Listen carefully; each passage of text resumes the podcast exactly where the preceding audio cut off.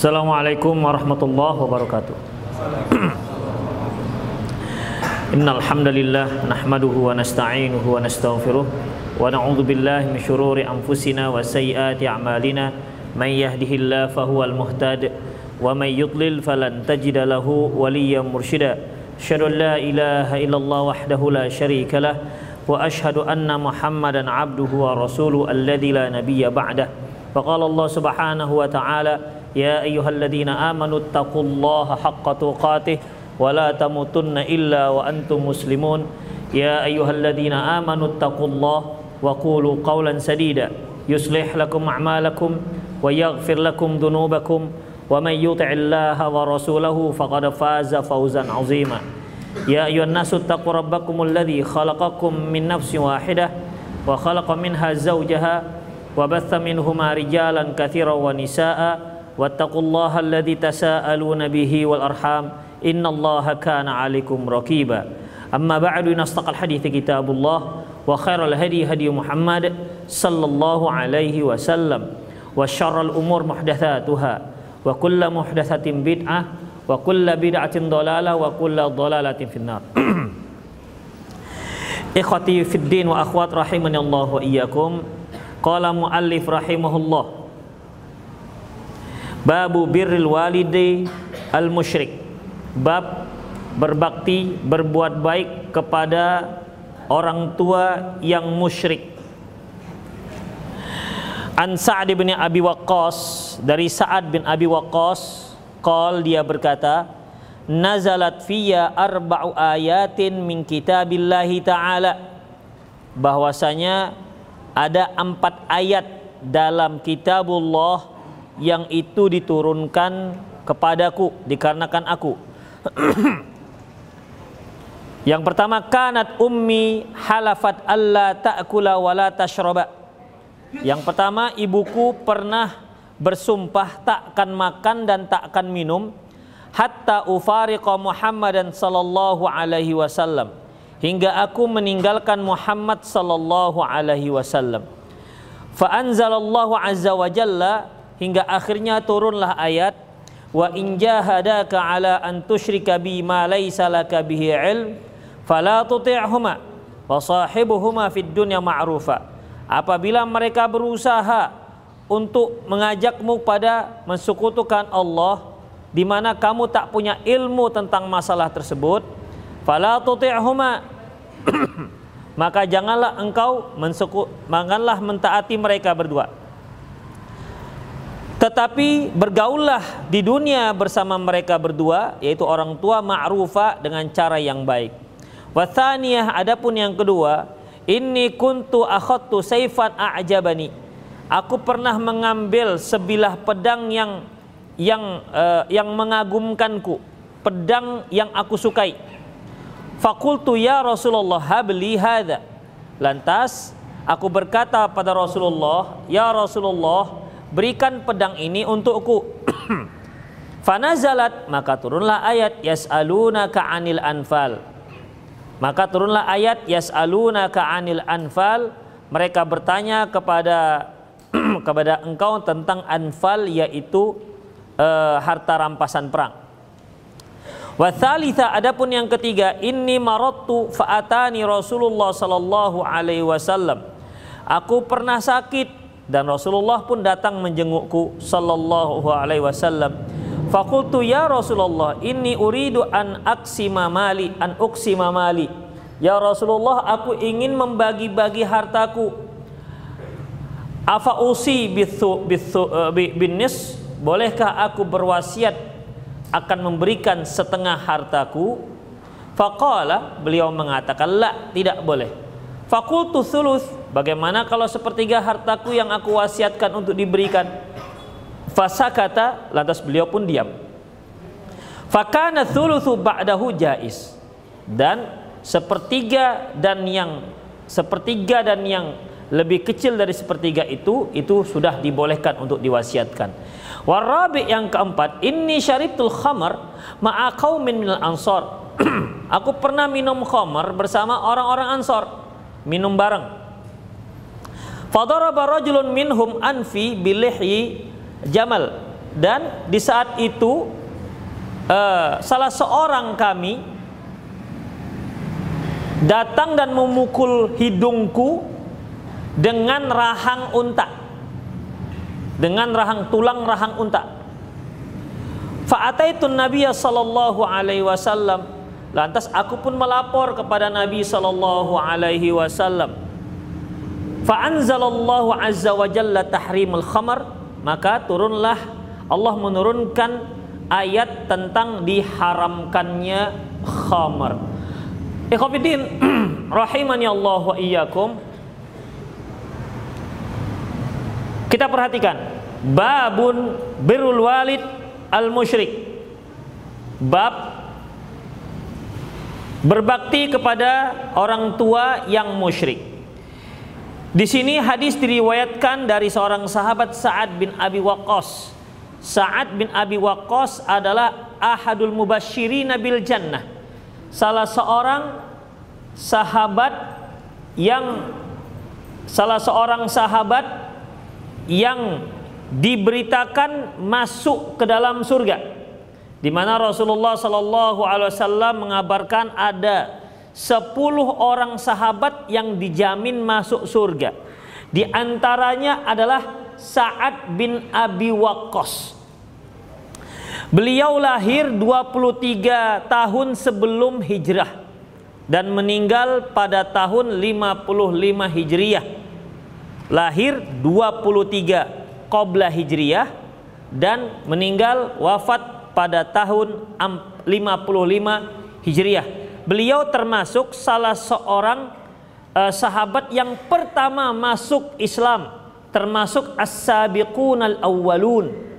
Orang-orang yang pertama masuk ke dalam Islam. Dan Sa'ad bin Abi Waqqas ini merupakan kerabat dari ibu Rasulullah sallallahu alaihi wasallam Aminah. Ya. Dan Sa'ad bin Abi Waqqas termasuk dalam kategori paman dari pihak ibu paman dari pihak ibu dalam bahasa Arab uh, khol khalun kalau paman dari pihak ayah amun namanya yang bisa dijadikan sebagai wali. Tapi yang ini tidak karena paman dari pihak ayah. Jadi Sa'ad bin Abi Waqqas merupakan uh, kerabat Rasulullah dari pihak ibu beliau. Sa'ad bin Abi Waqqas ini berkata, Nazalat fiya arba'u ayatin min kitabillah. Bahwasanya ada empat ayat yang Allah Subhanahu wa taala turunkan dikarenakan kejadian yang terkait dengan kisahku, kejadian yang terkait dengan diriku. Yang pertama kanat ummi halafat alla ta'kula wa la tashroba. Yang pertama yaitu dahulu ibuku ibuku uh, bersumpah takkan makan dan takkan minum sampai hatta ufariqa Muhammad sallallahu alaihi wasallam. Tidak akan minum dan tidak akan makan sampai aku meninggalkan Muhammad Rasulullah sallallahu alaihi wasallam. Maksudnya sampai aku murtad meninggalkan agama Islam. Itulah sumpah ibunya. Dan Sa'ad bin Abi Waqqas seorang sahabat yang sangat cinta ya, yang sangat cinta dengan ibunya. Dan ibunya tahu bahwasanya agama Islam memerintahkan pemeluknya agar berbakti kepada kedua orang tua, apalagi kepada ibu. Tahu ternyata ibunya Sa'ad bin Abi Waqqas, ya. Jadi posisi seperti itu dimanfaatkan ibunya supaya Sa'ad bin Abi Waqqas kembali murtad. Jadi ibunya berkata kepada Sa'ad bin Abi Waqqas, Loh, bukankah Islam agama kamu memerintahkan untuk berbakti kepada ibu? Ya, tidak boleh durhaka kepada ibu. Dan aku bersumpah kata ibunya, takkan makan dan takkan minum sampai engkau murtad pada Muhammad, murtad dari Islam kembali kafir. Itulah sumpah ibunya Sa'ad bin Abi Waqqas. Kalau bahasa Arabnya idrob. Idrob itu apa ya? Dem, bukan demon, apa namanya unjuk un, aksi Allah yang dia nggak mau makan makan begitu ah Bukan bekot. Hah? Ah iya, mogok, mogok. Bukan mogok angkot, mogok makan. ya, mogok makan. Jadi si ibu ini melakukan mogok makan. Jadi dia nggak makan bukan karena bukan karena puasa, bukan. Bukan karena sedang ibadah. Dia sengaja nggak makan, mogok makan karena menginginkan satu tujuan dengan perbuatan seperti itu. Ya seperti kalau ada yang demo mogok makan, tapi mogok makannya depan depan kantor gubernur misalnya. Ya, selama tidak selama Grab dan Gojek tidak dihapus, maka kami sebagai pengikut-pengikut setia angkot dan tukang becak tak akan makan-makan seminggu misalnya. Ya. Mereka berkemah depan depan kantor gubernur, misalnya begitu. Maka ini dikatakan apa tadi mogok. Mogok makan. Ya, jadi tujuannya apa? Untuk pressure orang-orang yang mereka tuju yaitu para pemimpin, para penguasa yang punya tangan, punya kuasa untuk merubah keadaan. Itulah cara mereka mogok makan. Kalau meninggal dia dalam keadaan mogok makan itu gimana? Matilah kalau meninggal. Tidak ada pahalanya jangan dikira itu jihad fisabilillah. Ya, tidak ada pahalanya. Demikian ikhwatiddin rahimani Allah wa iyyakum. Saya masih ingat lagi kisah di Tunisi, di Tunisia atau di Libya, di mana dia protes dengan dengan uh, pemerintahnya dengan membakar diri. Ada juga itu caranya ikhwafiddin. Ketika dia meninggal, ya meninggal bunuh diri namanya ikhwafiddin. Ya, walaupun orang akan memberikan dia berbagai macam tanda jasa pahlawan tanpa jasa, tah pahlawan apalagi tetap saja itu namanya bunuh diri. Dan ibu Sa'ad bin Abi Waqqas dia sudah punya ide ini Khafiddin. Sebelum orang sekarang punya ide seperti itu, emaknya Sa'ad bin Abi Waqqas sudah lebih dulu. Dan itu dia masih musyrik. Makanya seperti seperti ini kelakuan orang musyrik, bukan kelakuan muslim. Ya. Yang seperti ini ini bukan kelakuan orang muslim tapi kelakuan orang musyrik, orang musyrik yang pertama sekali melakukan hal ini.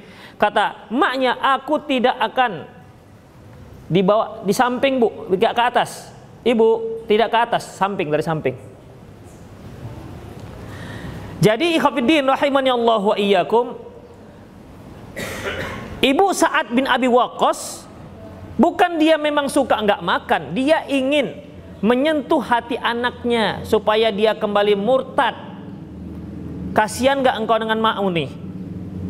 Dalam sejarah disebutkan sampai tiga hari enggak makan dan enggak minum.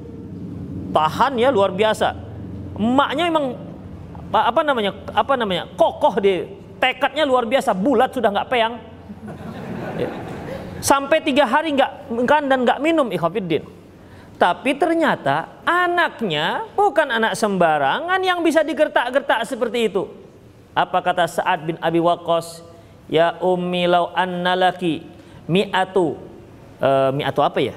Mi'atu ruh arwah apa? Mi' Ya wahai ibuku seandainya engkau memiliki seratus nyawa Kemudian yang satu keluar diganti dengan yang nyawa berikutnya. Sampai seratus Aku tidak akan meninggalkan agama Muhammad. Melihat kokohnya Sa'ad bin Abi Waqqas Akhirnya surutlah. Surut tekadnya ibunya Sa'ad bin Abi Waqqas. Karena dia tahu kalau tambah sehari lagi Tambah lapar dia. Sementara tujuannya tidak kesampaian. Oh dikatakan dia tahu hanya satu. Walaupun engkau wahai ibunda punya seratus nyawa, berarti dia berapa hari? Kalau satu nyawa meninggalnya empat hari, kalikan seratus. Empat ratus hari nggak makan-makan, ya maka aku tidak akan tinggalkan agama Muhammad. Taulah di situ ibunya Sa'ad bin Abi Waqqas bahwasanya dia tetap teguh tidak akan bergeming dengan dengan agamanya. Sejak itu makan ibunya. Ya. Mendengar kekokohan Sa'ad bin Abi Waqqas anaknya, lantas dia pun makan. Di samping sudah perutnya sudah rasa lapar melilit perutnya juga. Ya, akhirnya dia pun makan. Itu khafiddin rahimani Allah wa iyyakum. Kemudian turunlah ayat ya, turunlah ayat dengan sikap Sa'ad bin Abi Waqqas ini wa in jahadaka ala an tusyrika bi ma laisa laka bi ilmun fala tuti'huma. Kalau mereka berusaha jahada itu hafidin mengeluarkan semua potensi untuk mencapai tujuan, itu jihad namanya. ya jihad. Makanya Allah Subhanahu wa taala menyebutkan alladzina jahadu fina lanahdiyannahum subulana dan mereka-mereka yang berusaha habis-habisan di jalan kami lanahdiyannahum subulana mereka akan kami beri petunjuk di mana jalan kami. Makanya ikhwatiddin untuk mendapatkan petunjuk itu harus sungguh-sungguh.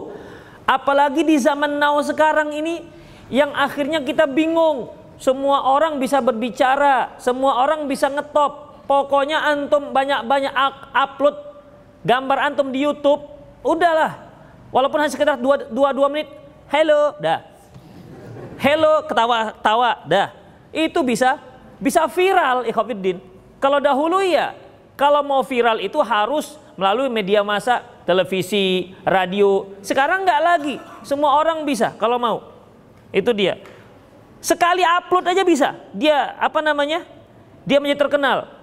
Pergi dia di atas Olimpia, buka bajunya, terbang dari atas. Sambil terbang, live streaming, set, sampai mati. Insya Allah viral.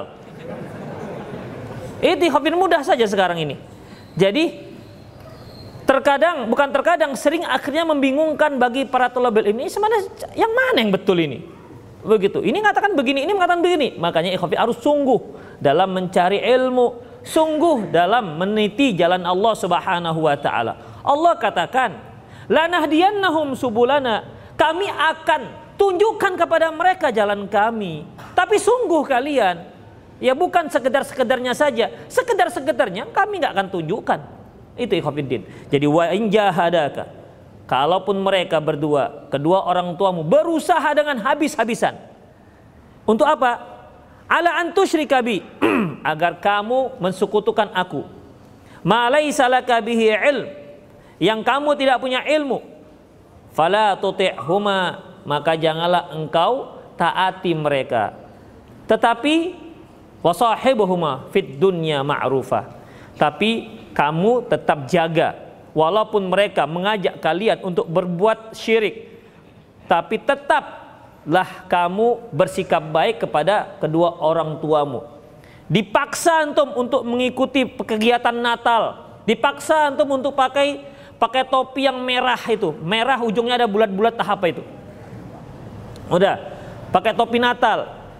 Antum nggak mau kokoh tapi tetap bersikap baik dan santun kepada orang tua. Kan luar biasa Islam.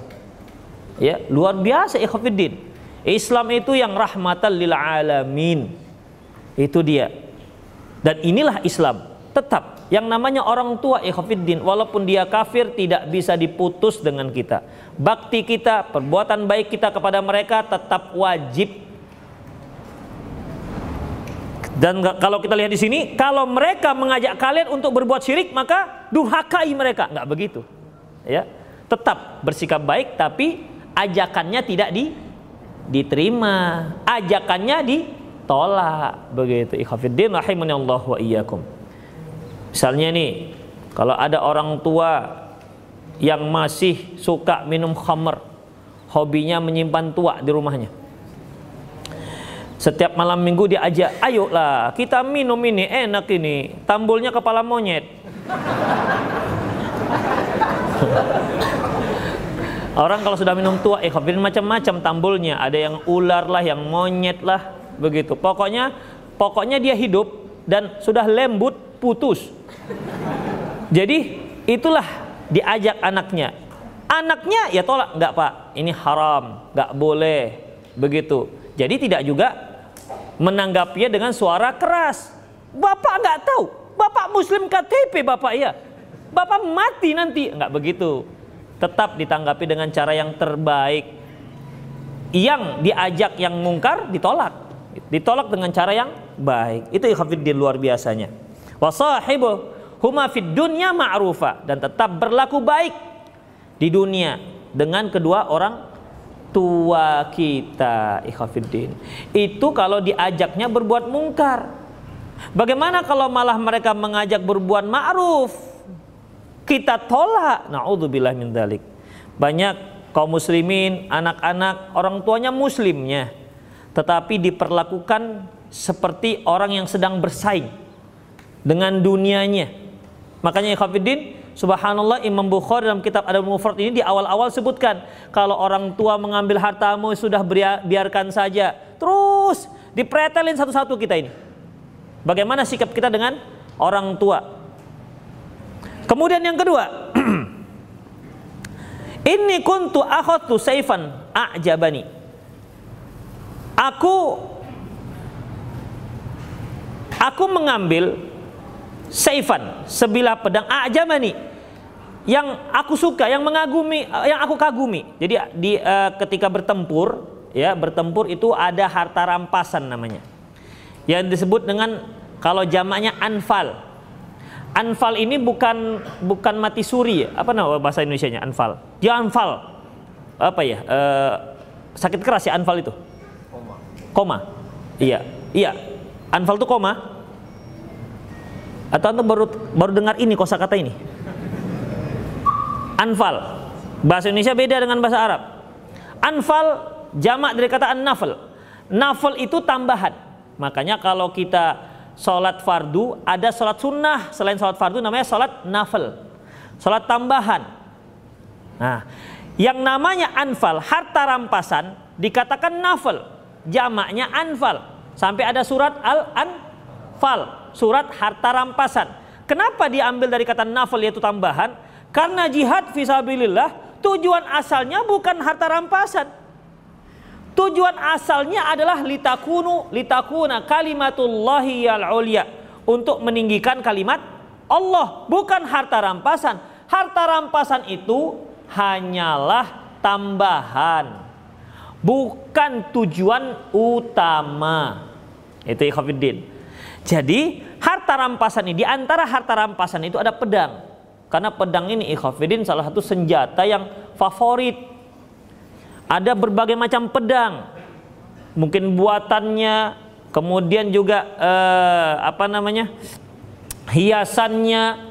Terkadang ada pegangannya itu pegangan dari emas, kemudian buatannya, kualitas besinya. Ya orang dahulu tuh memang luar biasa ikhafidin mengetahui kualitas-kualitas kualitas-kualitas pedang. Ya kita sekarang kan ada pisau. Pisau ada yang pisau untuk menyembelih saja ada harganya sampai satu juta sampai 2 juta. Menyembelih saja. Kalau kita katakan untuk apa pisau sampai harga 2 juta? Kita biasanya gunakan untuk apa? Potong bawang. Potong bawang pisau karter udah seribu cukup. Iya kan? Ngapain beli pisau satu juta? Ada pisau yang harganya pisau 2 juta. Untuk apa, Bu? Untuk potong bawang. Ya. Orang kata orang kan mengatakan itu mubazir. Tidak perlu. Tapi kalau untuk menyembelih katanya ada yang sampai 2 juta ya Hafiddin. Kenapa? Kualitas besi. Itu dia. Tapi kalau kualitas-kualitas yang yang rendahan ada yang hanya 300 ribu sampai hanya 40 ribu, 30 ribu. Ah, mungkin ada juga 10 ribu. Mungkin seng itu di diasah. Bisa aja. Penting awalnya motong tiga kali pakai buang. Itu khafidin jadi kualitas pedang mereka menggunakan ini untuk perang. Perang itu kan untuk sebagai perisai sebagai apa namanya untuk membela diri. Perisai lagi khafidin dahulu itu perisai yang paling favorit adalah yang paling ringan dan yang paling kuat. Itu dia biasanya kalau kuat itu kan dari baja baja kan berat jadi semakin bahannya itu semakin ringan, semakin kuat, maka perisai ini akan semakin semakin mahal. Demikian juga pedang, semakin kuat dan semakin ringan, maka dia akan semakin uh, semakin mahal. Inilah ikhwatiddin. Jadi saat bin Abi Waqqas melihat ini pedang ini bagus sekali. Tapi dia masih dalam harta rampasan. Karena bagi pasukan yang ikut perang tidak boleh mengambil begitu saja sampai nanti dibagikan oleh Rasulullah Sallallahu Alaihi Wasallam. Nggak bisa diambil kemudian dirondokkan. Itu namanya gulul. Wa ya'ti bima yaumal qiyamah. Barang siapa yang mengkhianat, artinya dia bawa ambil harta tersebut, maka dia nanti akan bawa ini di hari kiamat. Bahwasanya dia mengambil harta ini tanpa sepengetahuan komandan komandan perang. Itulah ikhafiddin rahimani Allah wa iyyakum. Baik, kita lanjutkan. Fakultu ya Rasulullah Wahai Rasulullah, habli hadza. Rasulullah uh, hadiahkanlah untukku pedang sebilah pedang ini. Kemudian fanazalat yas'alunaka 'anil anfal. Maka turunlah ayat mereka bertanya kepadamu tentang anfal. Yas'alunaka 'anil anfal qulil anfalu lillahi war rasul fattaqullaha wa dan seterusnya. Jadi di sini Khafidin turunlah ayat. Ya, itu yang kedua. Yang pertama tadi tentang orang tua berbakti kepada kedua orang tua walaupun dia musyrik dan itu sesuai dengan bab. Yang kedua yaitu masalah harta rampasan perang. Kemudian yang ketiga ini maritu faatani Rasulullah SAW. Ketika aku sakit, aku dijenguk oleh Rasulullah Sallallahu Alaihi Wasallam. Ikhafiddin, uh, seusai haji wada, ya seusai haji wada ada penyakit yang berjangkit di kota Mekah dan saat itu Sa'ad bin Abi Waqqas radhiyallahu anhu salah seorang sahabat yang tertimpa penyakit ini, terkena penyakit ini. Ya, sampai dia menderita sakit tersebut dengan sangat parah. Hanya Allah alam saya nggak tahu ini apa jenis sakitnya. Karena melihat sudah sangat parah, jadi dia ingin berwasiat. Ya, ingin berwasiat. Lantas dia berkata kepada Rasulullah, "Ya Rasulullah, ya Rasulullah, ini uridu an uqsima mali." Ya Rasulullah, sebelum aku meninggal, aku ingin bagi-bagikan hartaku dengan cara fa'ausi bin nifs, boleh nggak aku wasiatkan hartaku setengah untuk orang lain? Ya, boleh nggak aku berwasiat hartaku untuk orang lain? Khafidin perhatikan mengenai pemberian harta kepada orang lain itu ada tiga jenis. Yang pertama hibah. Hibah ini kita berikan selagi kita masih hidup. Hibah bisa diberikan kepada anak, kepada istri, kepada ahli waris, kepada enggak ahli waris boleh. Pokoknya dia memberikan kepada selain dirinya. Anak, istri, orang lain, cucu, semuanya terserah. Tetangga, terserah. Itu namanya hibah. Hanya saja kalau dia untuk anak haruslah si kalau anaknya lebih daripada satu orang harus diberi secara adil. Tidak boleh yang satu diberi, yang satu tidak. Nggak dibolehkan. Sebagaimana kisah Nu'man bin Bashir di mana dia ingin memberikan di mana Nu'man uh, Bashir Bashir radhiyallahu anhu ingin menghibahkan sebidang tanah kepada Nu'man. Nu'man ini Ibunya umroh namanya, radhiyallahu anha. Lantas kata ibunya umroh, kami tidak bisa menerima hadiahmu, hibahmu kecuali kalau langsung disaksikan oleh Rasulullah Sallallahu Alaihi Wasallam. Lantas si Khafidin, lantas dipanggillah Rasulullah. Ya, bayangkan Ikhafidin Rasulullah mau sebagai komandan, presiden, panglima besar dipanggil untuk menyaksikan acara penghibahan tanah kebun. Jadi kata Rasulullah setelah dipanggil apakah kamu punya anak yang lain? Punya ya Rasulullah kata Bashir. Maksudnya ada nggak dia punya anak yang lain selain Nu'man? Kata Bashir ada. Hanya saja mungkin dari ibu yang lain. Kalau kalau Nu'man ini ibunya umroh ibunya namanya si umroh radhiyallahu anha kata si kata Bashir ada ya Rasulullah apakah kamu berikan juga seperti ini Enggak ya Rasulullah kata Bashir. Apa kata beliau? Fa inni la ushidu zaur. Aku tidak akan mau menjadi saksi untuk persaksian yang tidak adil. Itu dia. Jadi ketika Rasulullah bertanya, apakah kamu punya anak seperti ini yang lain? Ada. Apakah kamu berikan juga seperti ini? Enggak ya Rasulullah. Rasulullah tidak mau menyaksikannya. Jadi kalau hibah itu harus sama tidak ada di situ ketentuan lidzakari mitlu hadzil unsayain. Dua laki-laki, satu bahagian perempuan enggak. Sama. Kemudian ada yang namanya wasiat. Wasiat dan warisan. Wasiat dan warisan ini diberikan setelah meninggal. Setelah seorang meninggal. Adapun wasiat itu hanya boleh diberikan kepada ahli wa, kepada selain ahli waris karena Rasulullah sallallahu alaihi wasallam mengatakan la wasiyata li ahli waris. Tidak ada wasiat untuk ahli waris. Mengapa demikian? Karena ahli waris jatah-jatahnya sudah ditentukan oleh Allah Subhanahu wa taala. Seperti kalau perempuan, kalau istri, kalau suaminya punya anak, dia dapat seper lapan. Fa'ing fa'ingka nalakum fa'ing uh, fa'ingka fa'ingka nalakum waladun falahunna thumunu mimma taroktum. Apabila kalian punya anak maka untuk mereka seperlapan dari harta yang kalian tinggalkan. Kalau nggak punya anak seperempat. Ya, fa illam yakul lakum waladun falahunna rubu'u mimma taraktum. Kalau mereka nggak punya anak kalian nggak punya anak istri dapat seperlapan seperempat. Jadi itu sudah ditentukan jatah-jatahnya oleh oleh Allah Subhanahu wa taala. Makanya tidak boleh memberikan wasiat kepada ahli waris. Misalnya kalau saya meninggal nanti untuk anakku yang paling bungsu itu ada rumah. Di mana? Di Marelan. Harganya 2 miliar setengah. Itu untuk anakku paling bungsu. Adapun untuk anak yang paling tua itu ada dekat jalan halal di samping kuburan misalnya.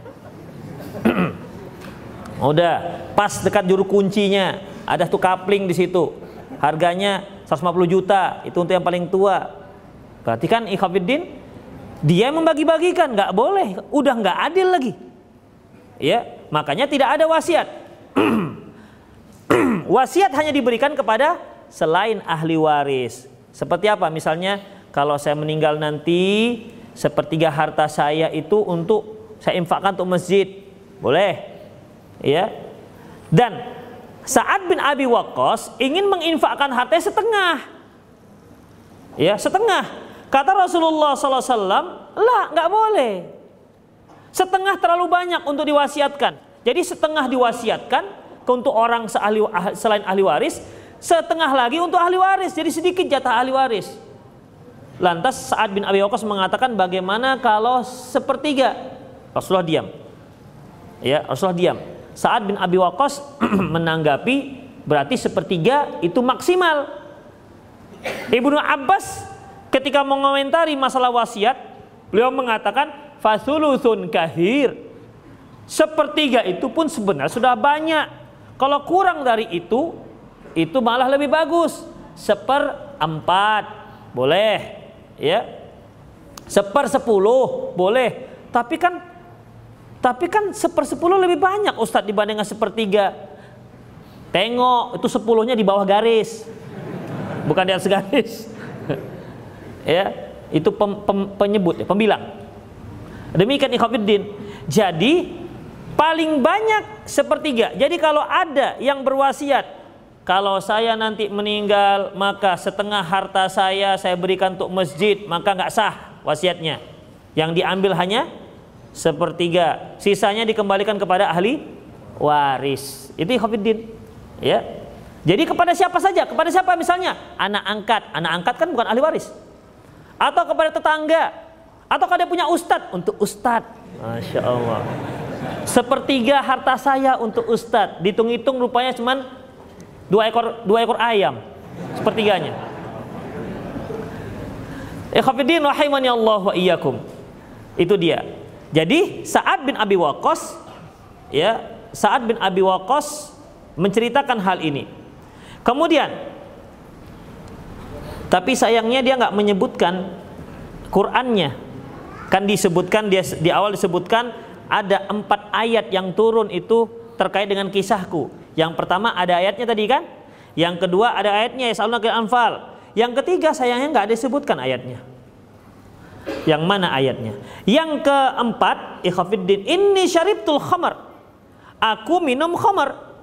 Ya, aku minum khamar bersama orang-orang yang lain biasa umumnya ikhafiddin kalau orang minum khamar itu berjamaah biasanya ya umumnya begitu ya kalau sudah berjamaah kemudian nanti ya semakin panas itu semakin jogetnya juga semakin semakin fly itu biasanya begitu gendangnya juga semakin semakin apa semakin bertalu-talu lah kata orang itu dia karena biasanya kalau sudah mabuk kawannya musik Orang mabuk nggak pakai musik itu kurang hangat dia, katanya gitu. Mikian Ikhwanuddin. Jadi biasa kan kalau orang mabuk, namanya juga mabuk. Mabuk itu kan Dia minum khamar. Khamar itu apa ikhafidin?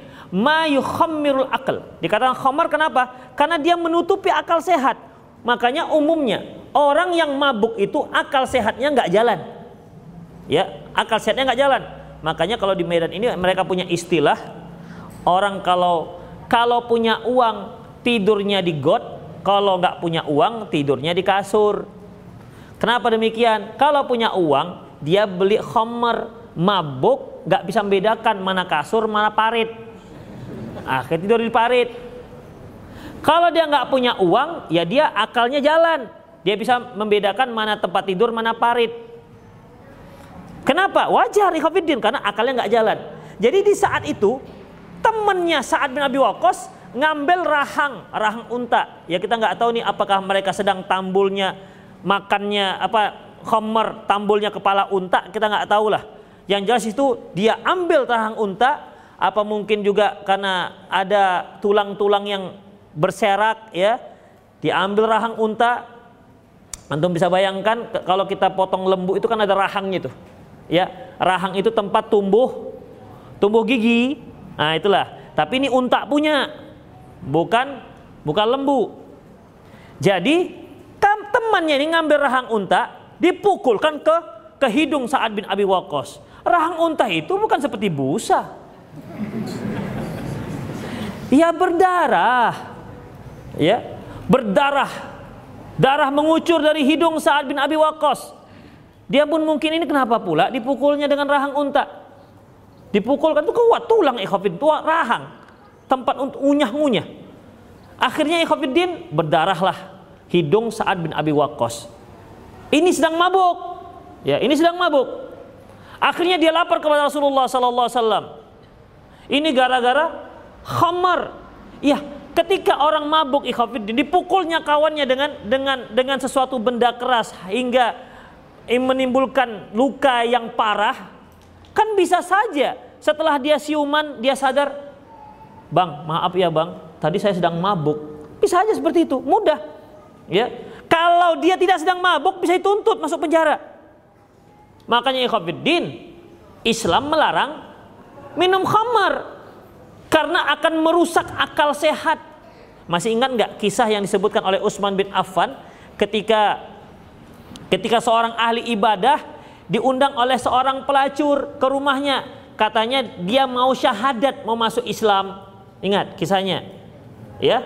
Kemudian ketika sampai ke rumahnya, kata si pelacur ini, ah, dijemputlah dia oleh anak apa namanya hamba sahaya si perempuan ini. Dijemput, datanglah dia, ya sukalah nama karena karena ada orang mau masuk Islam.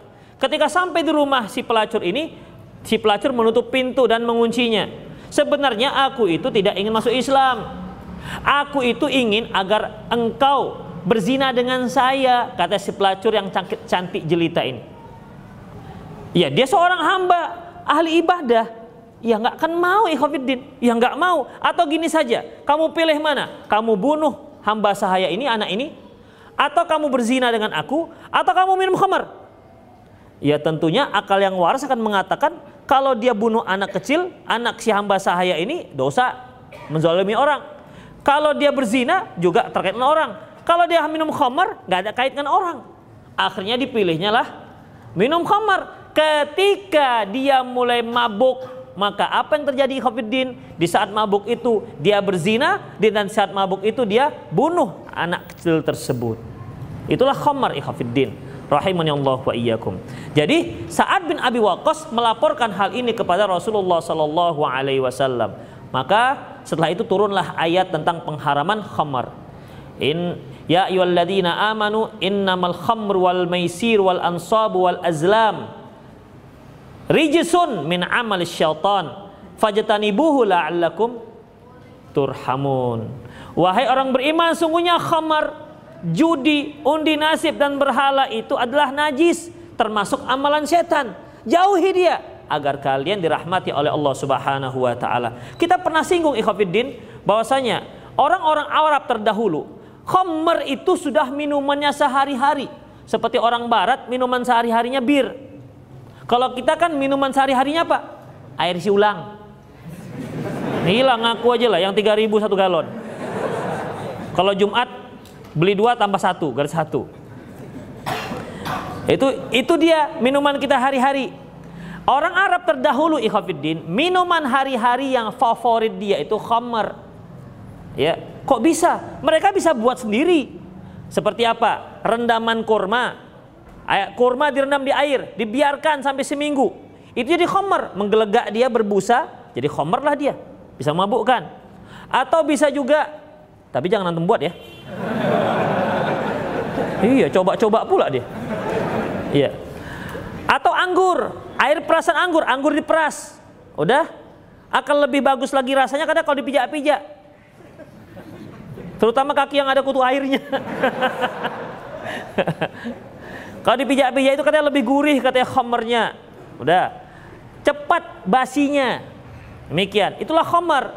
Jadi buah apa saja ikhwafiddin. Pisang atau madu-adu, jadilah dia khamer. Terendam, biarkan seminggu, dua minggu, tiga minggu Nasi padang juga kalau udah campur pakai pakai gulai biarkan seminggu. Jadi homer dia.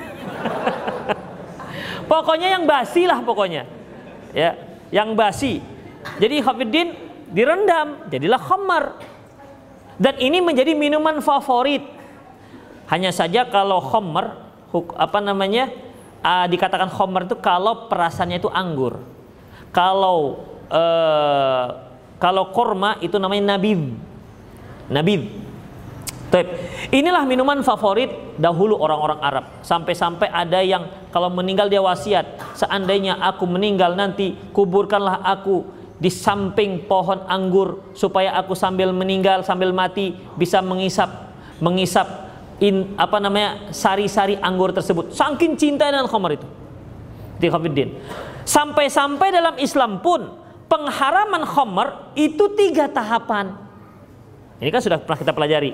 Ya, ada tiga tahapan. Yang pertama tahapan halal. Ikhafidin surat Nahl ayat 67. Wa minas samaratin nakhili wal anab. Di antara uh, buah-buahan kurma dan anggur tattakhiduna minu sakara. Kamu buat dari buahan tersebut minuman yang mabukkan warizkon hasana dan juga bisa kamu perdagangkan sehingga mendapatkan rezeki yang baik. Rezeki yang baik, jual beli khamar waktu itu. Nah, ini masih dibolehkan. Kondisi kedua ikhwafiddin yaitu kondisi Al-Baqarah ayat 219. Allah Subhanahu wa taala firman, Yas'alunaka 'anil khamri wal maisir qul fihima itsmun kabiru wa manafi'u linnas wa itsmuhuma akbaru min naf'ihima. Mereka bertanya kepada kalian tentang khamr dan judi. Katakan fihima itsmun kabir, ada dosa besar. Wa manafi'u linnas, ada manfaat bagi manusia. Tapi wa itsmuhuma akbaru min naf'ihima. Yang dosanya, mudorotnya lebih bes, lebih besar ketimbang manfaatnya. Tapi Allah nggak sebutkan haram hanya menyebutkan isyarat. Ya, kalau kalian minum khamar, kalau kalian menjudi, memang sih ada manfaatnya. Main judi kan ada manfaatnya kalau menang. Ya kan menang, ada manfaatnya, bisa traktir kawan-kawan. Demikian, kalau kalah itulah mudorotnya, apalagi kalah terus. Kemudian khamar juga begitu. Hanya saja manfaatnya lebih kecil, jauh lebih kecil ketimbang ketimbang mudorotnya. Artinya mudorotnya jauh lebih besar ketimbang manfaatnya. Tapi Allah belum sebutkan haram, ya, belum sebutkan haram. Yang ketiga yaitu yang disebutkan dalam dalam ayat ya ayyuhalladzina amanu innamal khamru wal maisir dan seterusnya Al-Maidah ayat 9. Sesungguhnya wahai orang beriman, sungguhnya khamr itu khamr, judi, undi nasib dan uh, apa namanya dan berhala-berhala itu rijesun min amali syaitan. Najis termasuk amal syaitan. Kemudian memang kenapa setelah itu? Fajtanibu jauhi dia. Ini ikhafidin pengharaman yang yang lebih mengena ketimbang bahasa maka dia hukumnya haram. Seperti hurimat alaikumul maitatu waddam wal khinzir. Diharamkan pada kalian bangkai darah dan daging babi. Diharamkan ketimbang dengan bahasa jauhilah ya. Ini lebih apa namanya lebih uh, penekanan haram. Tingkat dosanya itu lebih besar ketimbang sekedar haram. Contohnya Ikhwanuddin Allah mengatakan la taqrabuz zina. Jangan kalian mendekati zina. Dekat saja nggak boleh apalagi berzina dekat berarti kan harus jauh. Artinya jauh-jauhkan kalianlah, jauh-jauhkan kalianlah perzinahan. Dan seluruh perkara yang dapat menjerumuskan kalian menuju perzinahan. Kalau bahasa khomer bukan bahasa jangan dekat tapi jauhilah. Nah itu dia. Mirip bahasanya. Artinya di sini lebih penekanan lagi. Maka di situlah ikhafidin turun pengharaman terhadap khomer. Sebelumnya Allah sudah isyarat juga. Ya, kasih isyarat uh, ya ayyuhalladzina amanu la taqrabus salata wa antum sukara hatta ta'lamu ma taqulun. Wahai orang beriman, jangan kalian salat dalam keadaan mabuk sampai kalian tahu apa yang kalian ucapkan. Tapi belum disebutkan pengharamannya. Al-Maidah ayat 9 inilah penyebutan tentang haram. Ingat Al-Maidah ayat 9 bukan 51. Al-Maidah ayat 9. Ayat ya. Di situlah penegasannya. Demikianlah ikhwatiddin azallahu iyyakum tentang kisah Sa'ad bin Abi Waqqas hanya saja yang terkait dengan bab yaitu yang pertama. Kisah dia yang pertama yaitu dengan ibunya yang bersumpah ya tidak akan makan dan minum sampai anaknya Sa'ad bin Abi Waqqas murtad dari Islam dan itu ternyata tidak membuat anaknya bergeming dari agamanya. Semoga Allah Subhanahu wa taala juga memberikan kita hidayah serta keistiqomahan sebagaimana yang Allah Subhanahu wa taala berikan kepada sahabat Sa'ad bin Abi Waqqas. Qul qouli hadza wastaghfirullah li wa lakum muslimin innahu wal ghafurur rahim. Ustadz, bagaimana hukum membeli barang-barang di pasar gelap Ikhafiddin kalau antum membeli barang di pasar gelap itu nggak sah. Kenapa? Antum nggak bisa membedakan. Namanya juga gelap. itu namanya membeli barang dalam karung. Antum beli beras tapi gelap-gelapan. Gimana? Nggak tahu antum mana beras basmati dan beras R, R, R, R 64. Nggak bisa. Makanya nggak sah kalau membeli barang gelap-gelap. Hmm, itu dia. Ya.